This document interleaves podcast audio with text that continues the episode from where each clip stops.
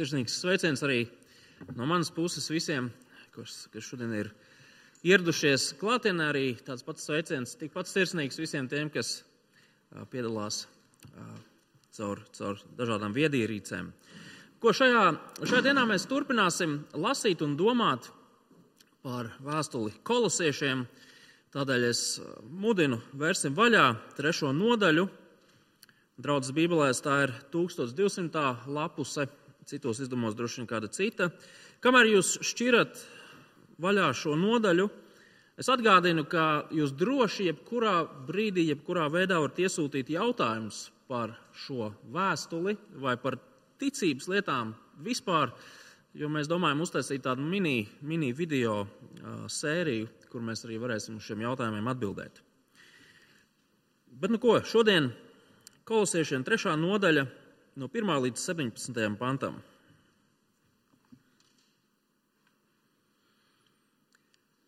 Ja nu jūs esat augšām celti līdz ar Kristu, tiecieties pēc tā, kas augšā, kur Kristus sēž pie Dieva labās rokas. Savu prātu virziet uz to, kas augšā, ne uz zemes lietām, jo jūs esat miruši un jūsu dzīvība līdz ar Kristu ir apslēpta Dievā. Kad Kristus, jūsu dzīvība parādīsies, arī jūs līdz ar viņu tiksiet atklāti godībā.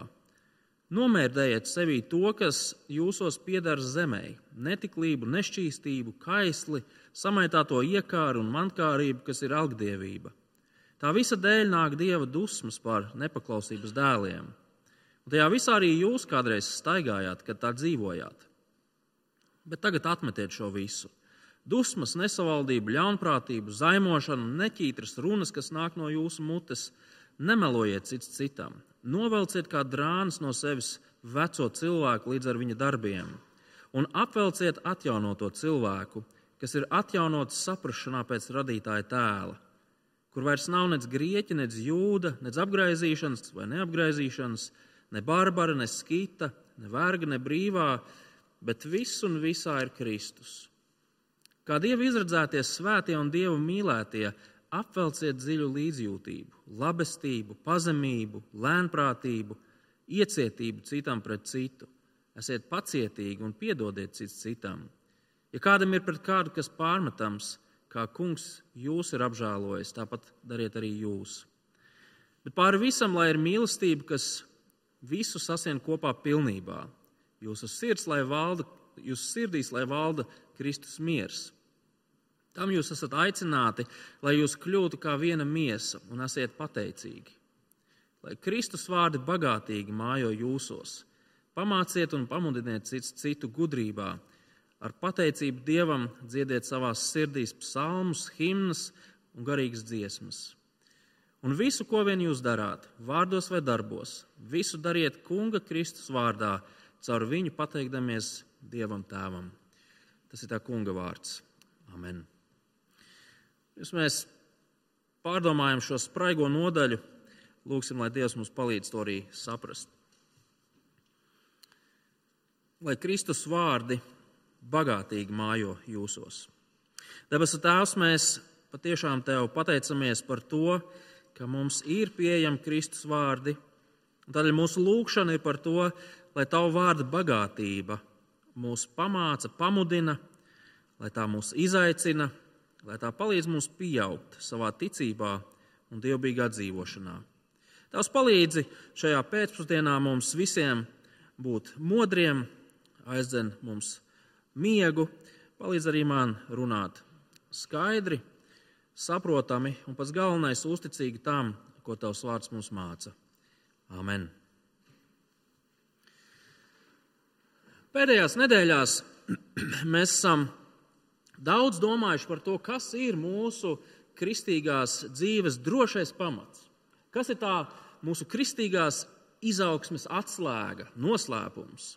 Un Pāvils ļoti skaidri un nepārprotami katrā no raksturvietām no citas puses, bet ir jaunajiem kolosas kristiešiem un pastarpināt arī mums teicis, ka Kristus ir mūsu drošais pamats. Kristus ir mūsu stingrais pamats. Stāviet uz viņa.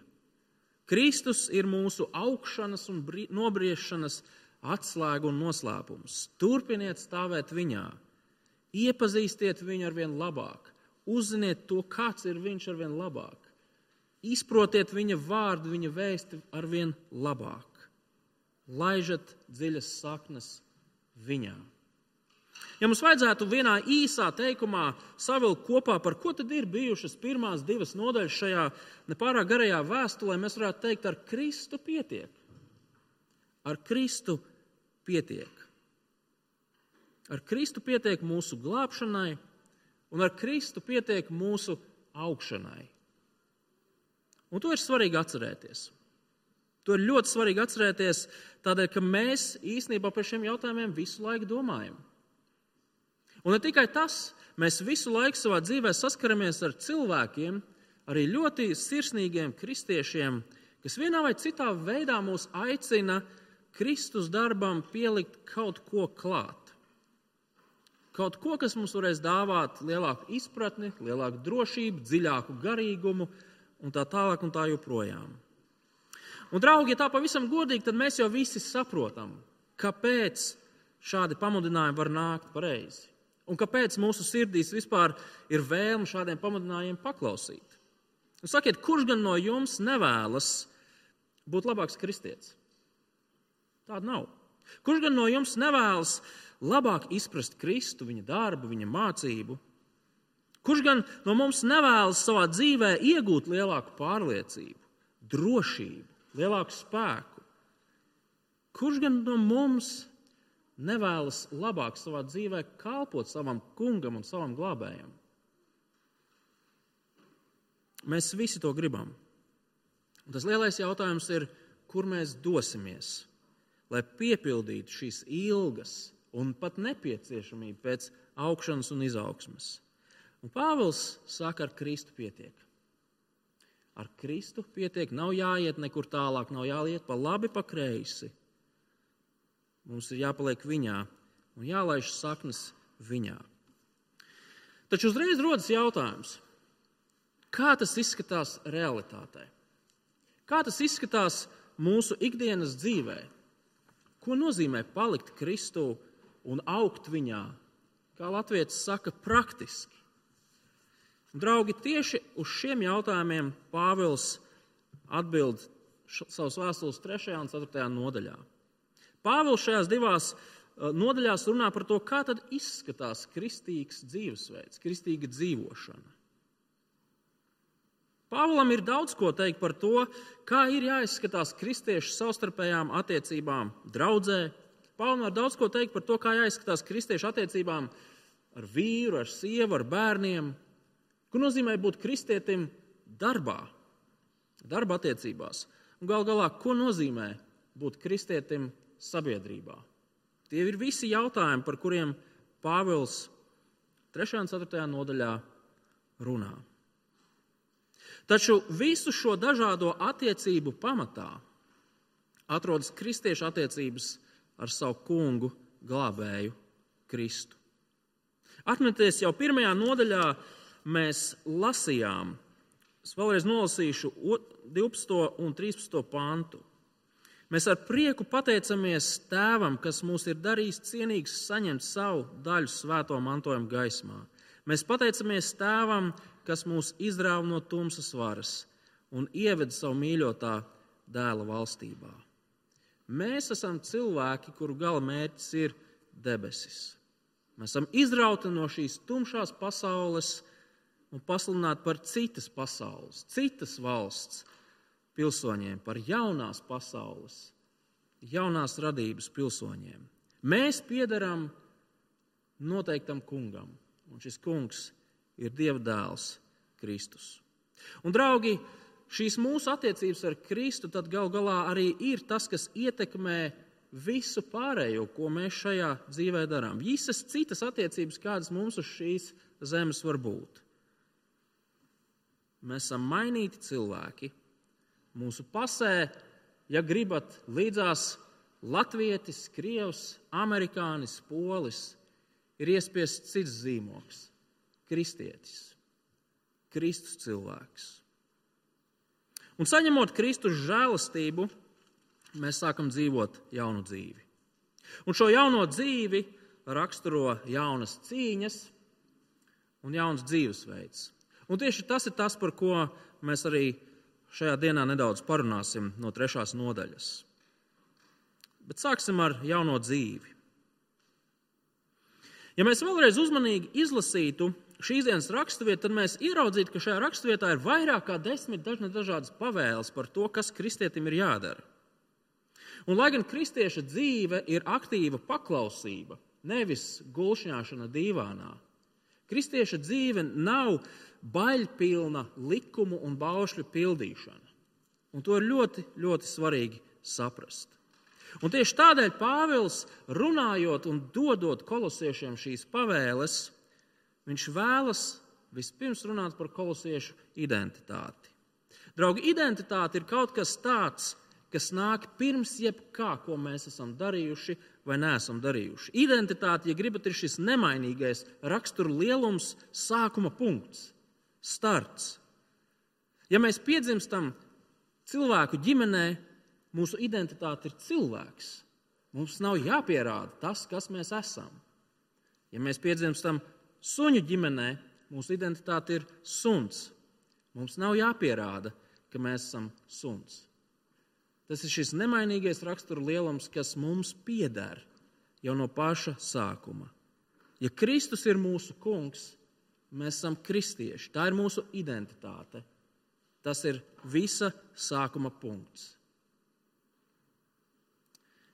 Taču tā problēma, draugi, ir tā, ka mēs pārāk bieži nedomājam par to, kas mēs īstenībā esam. Izlasīsim vēlreiz no pirmā panta.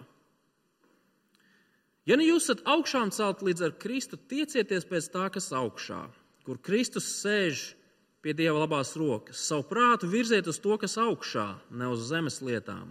Jo jūs esat miruši un jūsu dzīvība līdz ar Kristu ir apslēpta Dievā.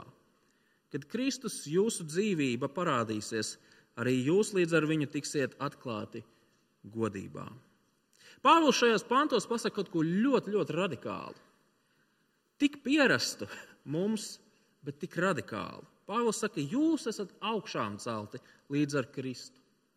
Dažus pāns iepriekš, bet arī šajā trešajā pantā Pāvils saka, līdz ar Kristu jūs esat miruši.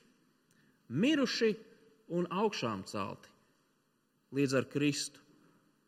Draugi, ne kolosieši, ne mēs paši bijām klāt pie Kristus krustā sišanas, nāves, kapa un pēc tam tukšā kapa. Pareizi. Bet par ko Pāvils šeit runā? Runājot par to, ka mēs esam miruši un augšām celt līdz ar Kristu. Pavisam vienkārši. Pāvils runā par, par Kristus nāves un augšām celšanās nopelnu un ieguvumu.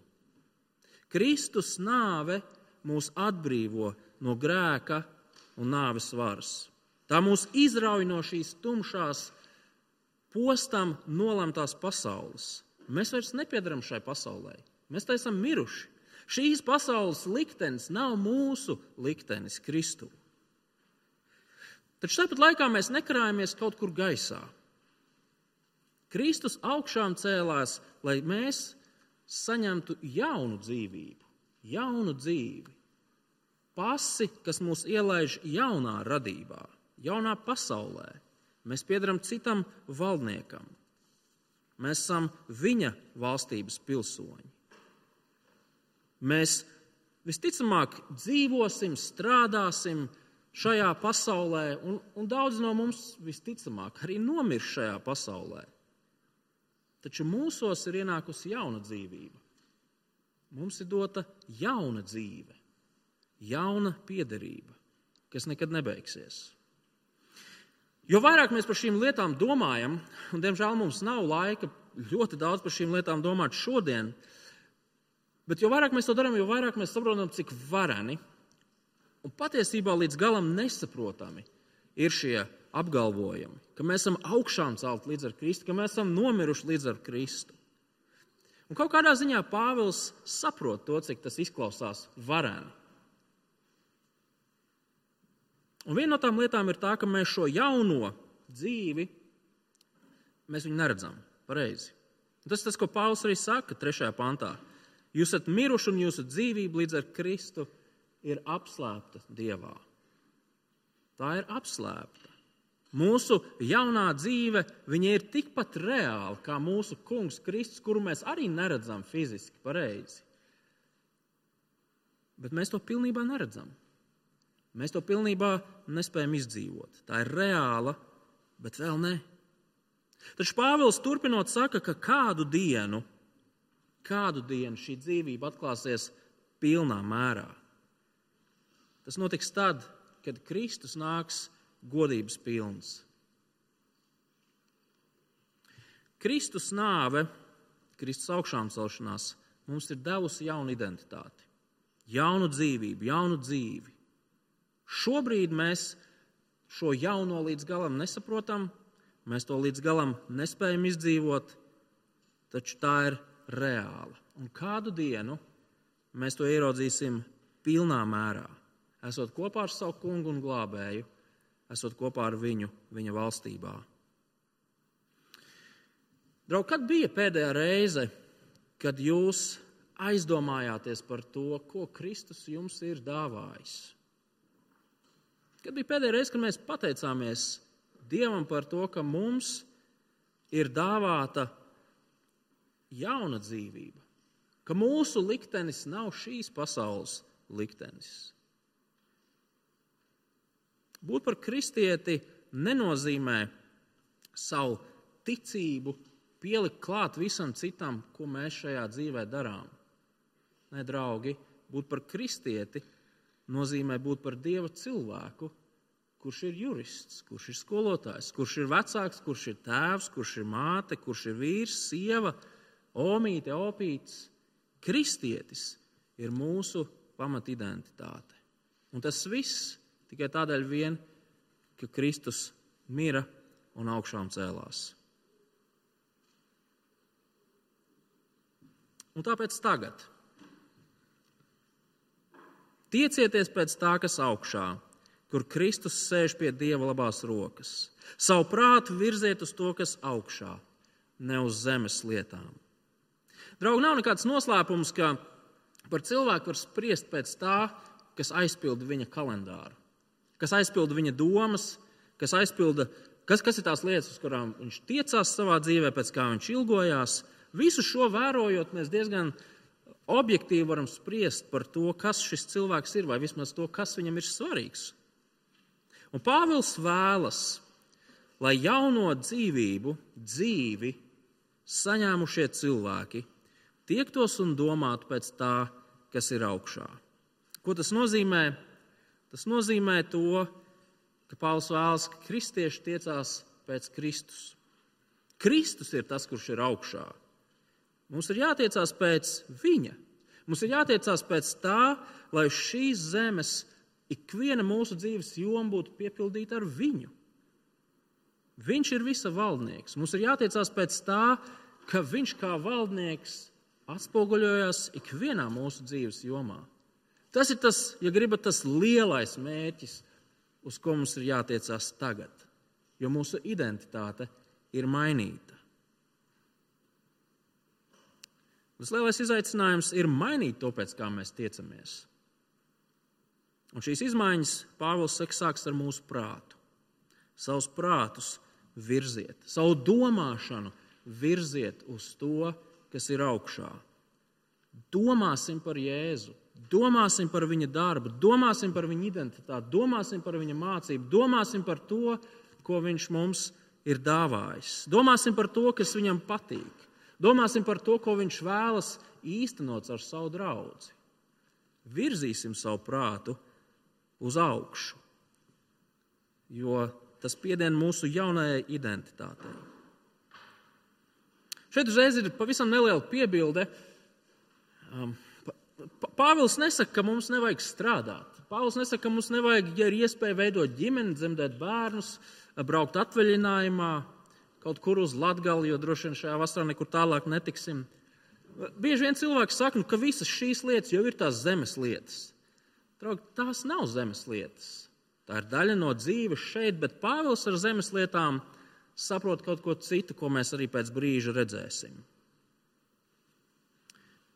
Bet kā mēs varam tiekties uz to, kas ir augšā?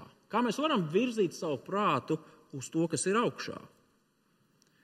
Ja jūs esat bijuši mūsu draudzē kaut vai divas, trīs nedēļas, jūs zināsiet atbildi. Lūdzot Dievu un lasot viņa vārdu. Tad, kad mēs to darām, mēs domājam pareizi. Tad, kad mēs lūdzam, tad, kad mēs lasām Dieva vārdu, mēs domājam. Mēs cenšamies saprast. Mēs domājam par Dievu, mēs domājam par Kristu. Mēs piesienam savu prātu pie Dieva lietām. Mēs to darām tā kā šeit, svētdienās, mēs to darām otrdienas vakaros, trešdienas pusdienas laikā, vēl citās reizēs. Mēs to darām tad, kad mēs satiekamies vienkārši uz kafiju viens ar otru un runājam par Dieva lietām. Mēs virzam savu prātu uz to, kas ir augšā. Un šo procesu, tad, kad cilvēks, kurš ir jauns cilvēks, kuram ir jauna identitāte, kurš tiecās un virzās uz to, kas ir augšā, nevis uz to, kas ir lejā. Šo procesu raksturo divas lietas. Pirmkārt, tā ir cīņa, un otrkārt, tas ir tādā pozitīvā, jauns dzīvesveids. Pirms kļuvām par kristiešiem, bija daudzas lietas, kurām mēs nepievērsām vērību pareizi. Bija daudzas lietas, kuras mēs darījām, un mums likās, ka ir normāli. Taču tajā brīdī, kad mēs esam izmainīti, mūsos pēkšņi parādās nebijusi cīņa ar daudz ko, kas mums kādreiz likās normāli. Redziet, ja mums ir dāvāta jauna dzīve Kristū, mēs saskaramies ar jaunu cīņu. Un tas ir tas, ko Pāvils arī šeit piemin. Un šī cīņa ir uz dzīvību un nāvi. Skatieties, 5. pantā. Nomērdējiet sevi tos, kas jūsos pieder zemē. Nedaudz tālāk, 8. pantā, Pāvils saka, atmetiet šo visu. Vēl nedaudz tālāk viņš saka, novelciet to. Draugi, Pāvils ir realists. Būt par kristieti nenozīmē izaudzēt spārniņus un tā pusmetru virs zemes vienkārši planēt, pirms virs mūsu galvām nekad vairs nesavalkās vētras un lietus mākoņi. To tas nenozīmē. Nebūsim naivi. Būt par kristieti nozīmē būt par cilvēku, kurš apzinās savu grēcīgumu, kurš, kurš apzinās savus, savus vājības. Mums nav jāizliekās, mēs varam godīgi pateikt, mēs esam vāji grēcinieki. Taču Pāvils negrib, lai mēs tur paliekam. Pāvils ir diezgan radikāls.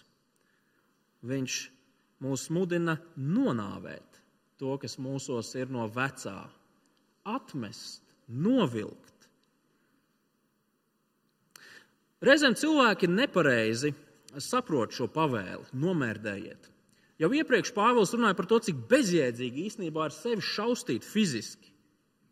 Mums, mums, nezinu, mums ir kaut kādas, kaut kādas gribas, un tad mēs sev mērdējam, mēs gavējam, mēs vēl nezinām, ko darām.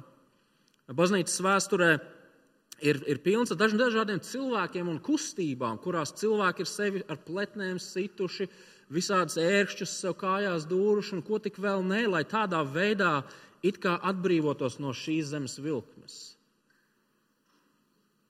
Mums liekas, lai ierobežotu savus seksuālu raksturu kārdinājumus, mums vajag šo to nogriezt, kā ir izdarījuši uh, vairāki slaveni antīkās baznīcas teologi. Pāvils to ir teicis jau otrajā nodaļā, ka tas viss ir bezjēdzīgi.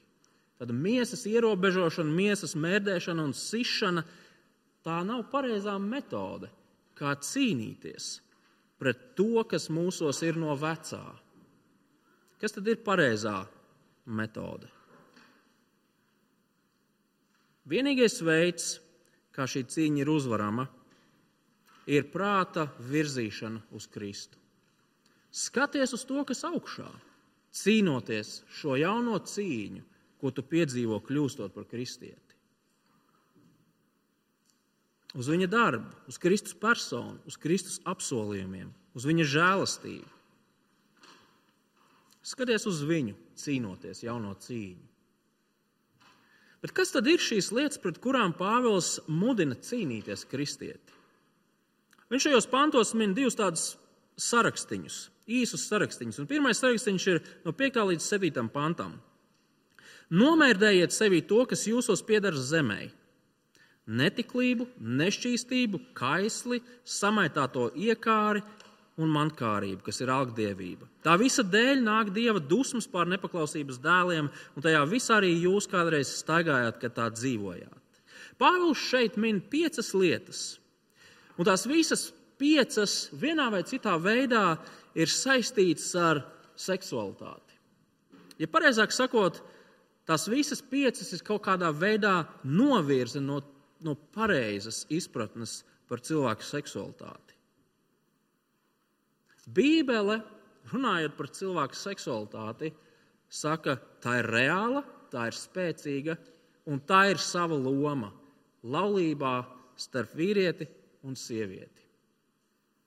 Vispārējais ir novirz no normas. Vispārējais ir kā tāda visai cilvēcei redzama zīme, ka cilvēks ir sacēlies pret Dievu. Pāvils saka, šāda, šāds dzīvesveids tā patiesībā ir elku kalpība.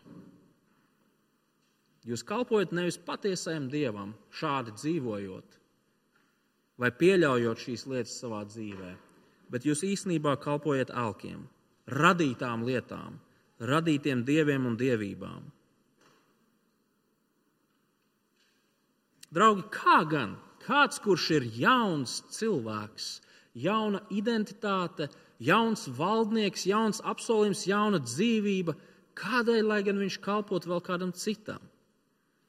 Mēs dzirdam to, kāpēc Pāvils ir tik, tik radikāls, kāpēc viņš mudina nomērdēt to, kas ir vecais.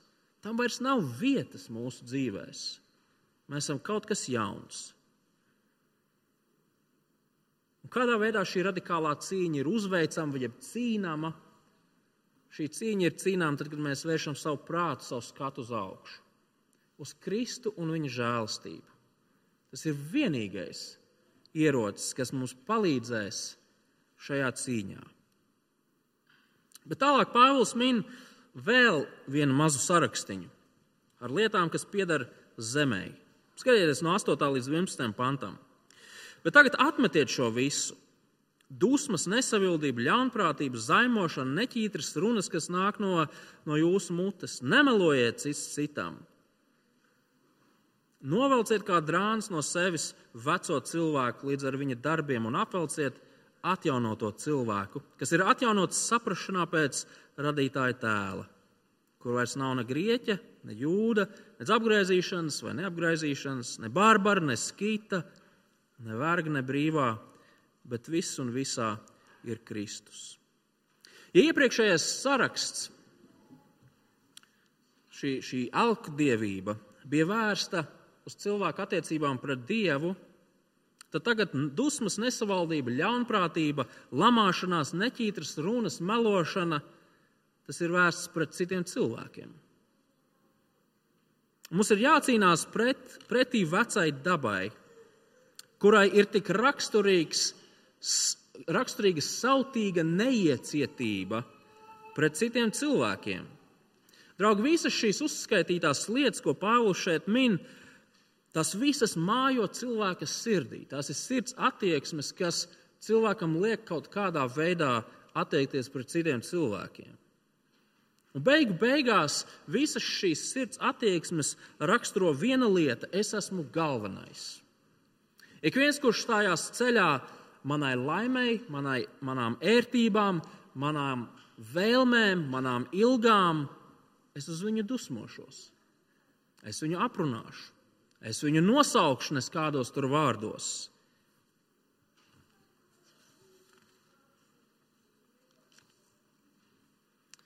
Draugi, mēs visi ļoti labi zinām, kāpēc mēs lamājamies uz citiem. Vai vismaz domājam kaut ko par citiem, kaut vai tiem pašiem politiķiem. Mēs visi ļoti labi zinām, kāpēc mēs dusmojamies uz saviem draugiem, radiem, bērniem. Mēs visi ļoti labi zinām, kāpēc mēs melojam cits citam. Tas viss ir tādēļ, ka cilvēki traucē mums sasniegt to, ko mēs gribam. Pāvila aicinājums ir cīnīties pret šo, nomērdēt atmest, novilkt. Un kādā veidā šī cīņa norit? Nevis sitot sev ar pletnēm, nevis stāvot uz galvas, nevis ejot sveceļojumā uz aglonu, nevis nēdot gaļu piekdienās, bet vēršot savu prātu un skatienu uz augšu, uz Kristu, uz Viņa darbu, uz Viņa žēlastību, uz to, ko Viņš mums ir devis.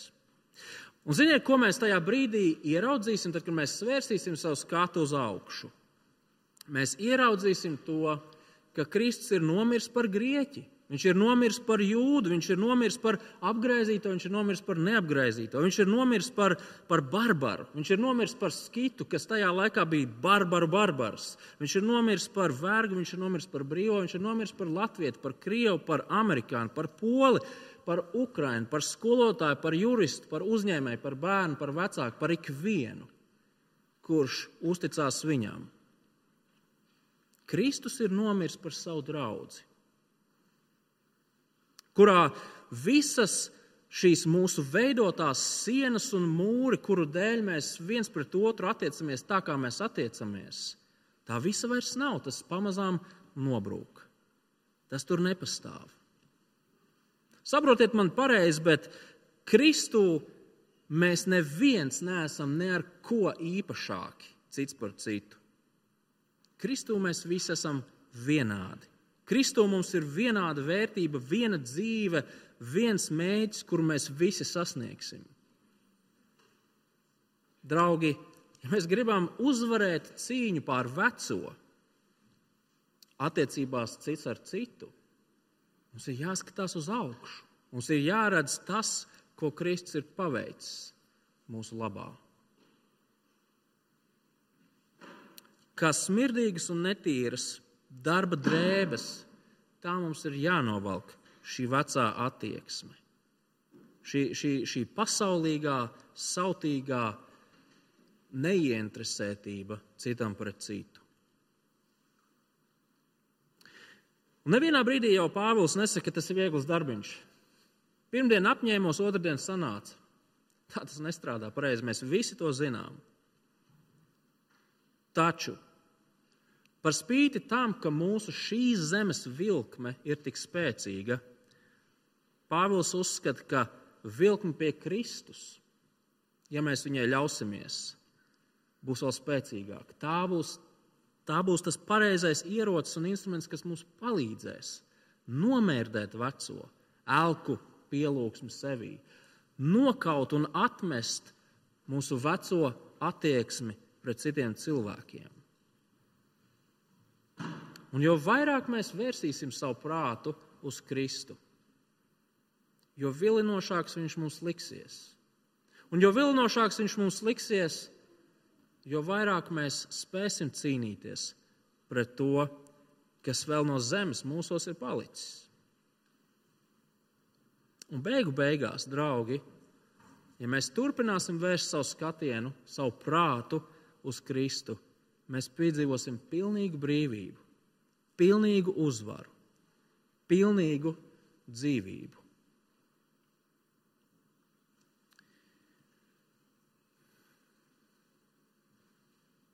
Tātad izdzīvot savu jauno dzīvi, to, kas ir droša Kristū, kas varbūt nav pilnīgi redzama, pilnīgi saprotama, bet kas ir droša un reāla, nozīmē cīnīties pret šīm vecajām lietām, cīnīties pret mūsu nevēlmi pielūgt patieso Dievu, cīnīties pret mūsu nevēlmi mīlēt citam citu.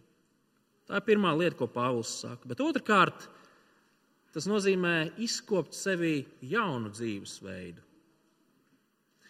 Mēs šajā reizē tikai iesāksim, iespējams, pie šiem pantiem mēs vēl atgriezīsimies nākamajā svētdienā, bet sākot ar 12. pāntu, Pāvils līdz pat 4. nodaļai, 4. nodaļas vidū, viņš runā par to, kā ir jāmainās mūsu tai praktiskai dzīvošanai, draudzē, ģimenē, darbā, sabiedrībā. Jauns dzīvesveids ir redzams tajā, kā kristieši nāk kopā draudzē. Un jūs pamanījāt, ka jau atkal Pāvils pa vidu visām pavēlēm, gluži tāpat kā nodaļas sākumā, tā arī tagad, 12. pantā, viņš atgādina to, kas kristietis jau ir. Skatieties vēlreiz 12. pantā. Kā dieva izredzētie, svētie un dieva mīlētie. Vai tas ir tas, kā jūs sevi raksturotu? Svētie, izredzētie, dievu mīlētie. Tad, kad es domāju par sevi, ir tikai reti saulainās dienas, kurās es varu būt tā par sevi domāt. Un tas ir pavisam nepareizi. Saskaņā ar šo pantu loģiku nav iespējams īstenot jaunā dzīvesveida prasības, ja mēs neesam pārliecināti par to, kas mēs Dievam jau tagad esam. Cik gan bieži mēs neesam centušies darīt visu kaut ko, lai tikai justos, ka Dievs mūs mīl un pieņem. Pāvils sāk no citas puses. Viņš saka, draugi, jūs jau esat Dieva izredzētie, pieņemtie, mīlētie. Viņš jau tagad uz mums skatās un saka, tu esi mans mīļotais. Tu esi mans izredzētais. Tu esi mans īpašais. Tev nekas nav jāpierāda, tev nekas nav jānopelna. Taču tad, kad mēs saprotam to, kas mēs Kristū esam, mēs iegūstam jaunu enerģiju, motivāciju, gribu dzīvot dievam tīkamu dzīvi. Un kā tad izskatās šī, šis jaunais dzīvesveids draudzē? Pāvils min dažas lietas. Skatieties, 12. un 13. pantā. Kā Dievs izredzēties, svētie, Dieva mīlētie, apvelciet dziļu līdzjūtību, labestību, pazemību, lēnprātību, iecietību citam pret citu. Esiet pacietīgi un piedodiet cits citam. Ja kādam ir pret kādu, kas pārmetams, kā kungs jūs ir apžēlojis, tāpat dariet arī jūs. Līdzjūtība, labestība, pazemība, lēnprātība, iecietība, piecas īpašības, kas ir vērstas uz otru cilvēku. Uz otra cilvēka vajadzībām, uz otra cilvēka labumu. Draugi, šīs īpašības mums māca ieraudzīt to, kas tad ir tas otrs cilvēks mūsu priekšā. Nu, kur viņš atrodas, tas otrs cilvēks? Ar ko viņš cīnās? To mēs varam izdarīt tikai tad, kad mēs esam atvērti, skatīties uz otru cilvēku. Un šādi, ot, šā, šādi otru labumu celšana un stiprināšana kļūst daudz svarīgāka par mūsu taisnības pierādīšanu, par kaut kādu uzvarētu argumentu, par mūsu spālu spodrināšanu, par savu principu izdzīvošanu par savu atpūtu, par saviem līdzekļiem, par savu laiku.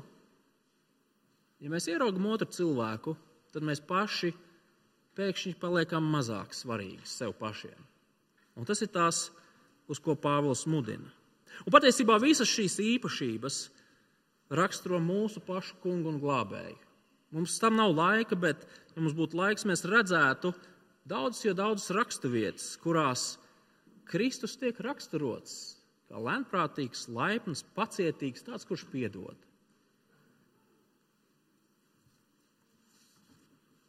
Būsim pacietīgi cits ar citu, piedosim cits citam, parādot žēlastību.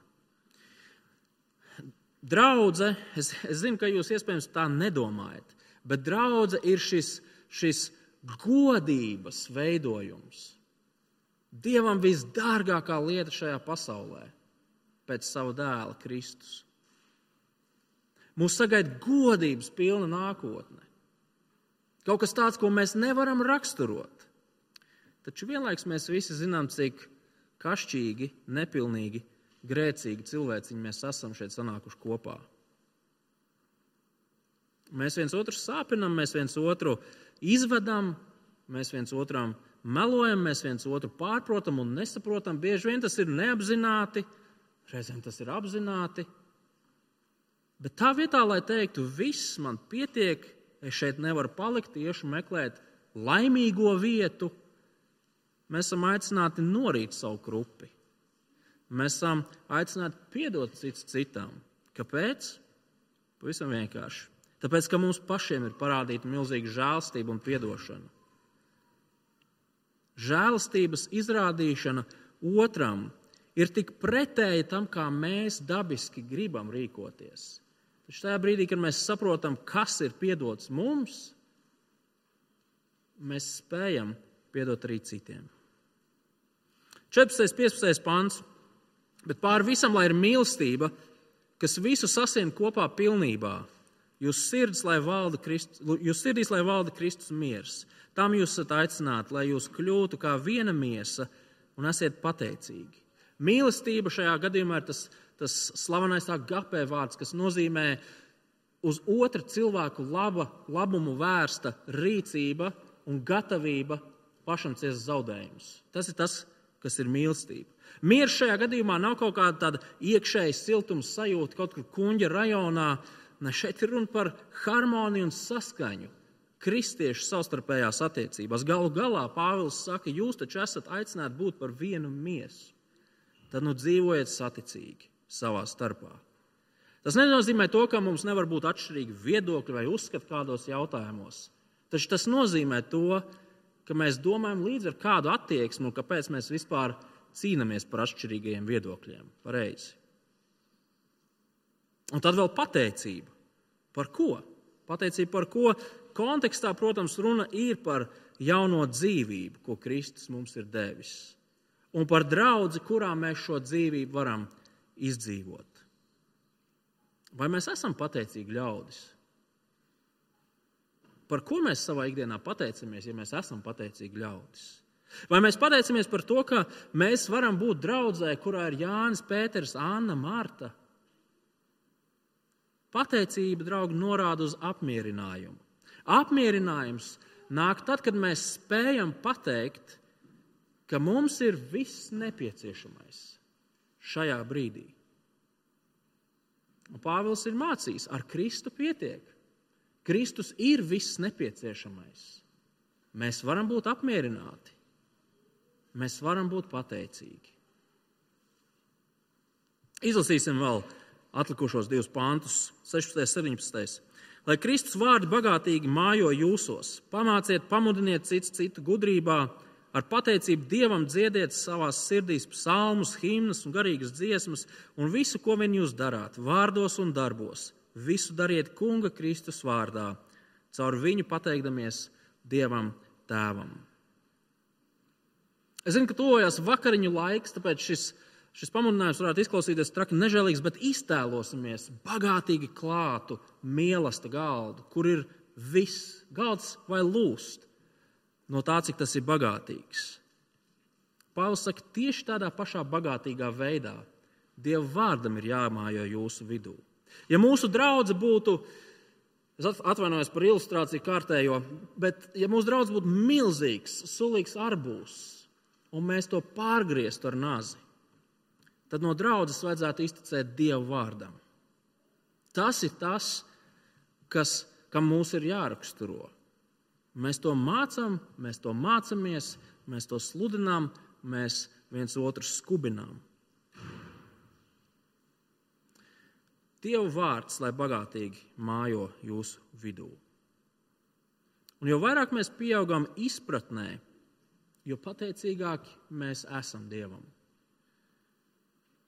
Un jo pateicīgāki mēs esam Dievam, jo vairāk mēs viņu gribam pielūgt. Un tieši tas ir tas, ko Pāvils saka. Savā sirdī dziediet psalmus, himnas, garīgas dziesmas, jo jūs esat pateicīgi Dievam. Jūs esat pateicīgi, jūs esat apmierināti Dievā, jūs esat apmierināti, tāpēc ar Kristu pietiek.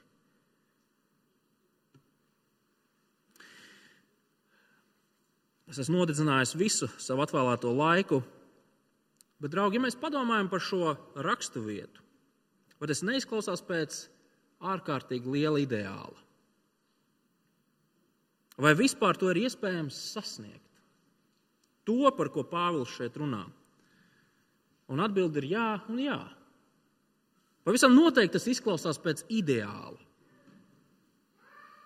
Un pavisam noteikti Pāvils par to nerunātu, ja mēs to nekādā veidā nevarētu sasniegt šeit, uz šīs zemes. Mēs katrs, manuprāt, esam piedzīvojuši situācijas, kurās mēs esam izcīnījuši uzvaru pār kaut ko, kas mūs vilina pie zemes lietām. Mēs katrs esam piedzīvojuši prieku par to, cik vienoti mēs varam būt savā dažādībā. Mēs katrs esam kādu reizi piedzīvojuši pacietības un atdošanas spēku. Pareizi. Mēs esam piedzīvojuši to, ka labāk saprotot to, kāds ir Dievs un viņa darbs, mēs gribam visu likt malā, lai vienkārši slavētu un pateiktos viņam. Mēs visi esam piedzīvojuši brīžus un situācijas, kurās kaut kas no tā, ko Pāvils šajos pantos mudina kristiešus darīt, ir bijis tas, ko mēs esam piedzīvojuši. Tas ir ideāls, uz ko tiekties, un tas ir reāls ideāls, kaut ne pilnībā izdzīvojams. Draugi, Kristū mums ir dota jauna dzīve. Kristū mums ir dota piederība jaunam valdniekam, jaunai pasaulē. Skatoties uz Kristu un virzot prātu uz viņu, domājot par viņu, mēs spēsim nomērdēt to, kas mūsos vēl cīnās pretī Dievam. Mēs spēsim nomērdēt sevī to, kas mūsos mums liek būt sautīgiem. Skatoties uz Kristu, mēs savā draudzē spēsim arvien vairāk un vairāk ar pateicību un prieku novērtēt to, kas mēs Kristu esam. Dievu izredzētie, Dievu īpašie, Dievu mīlētie. Amen.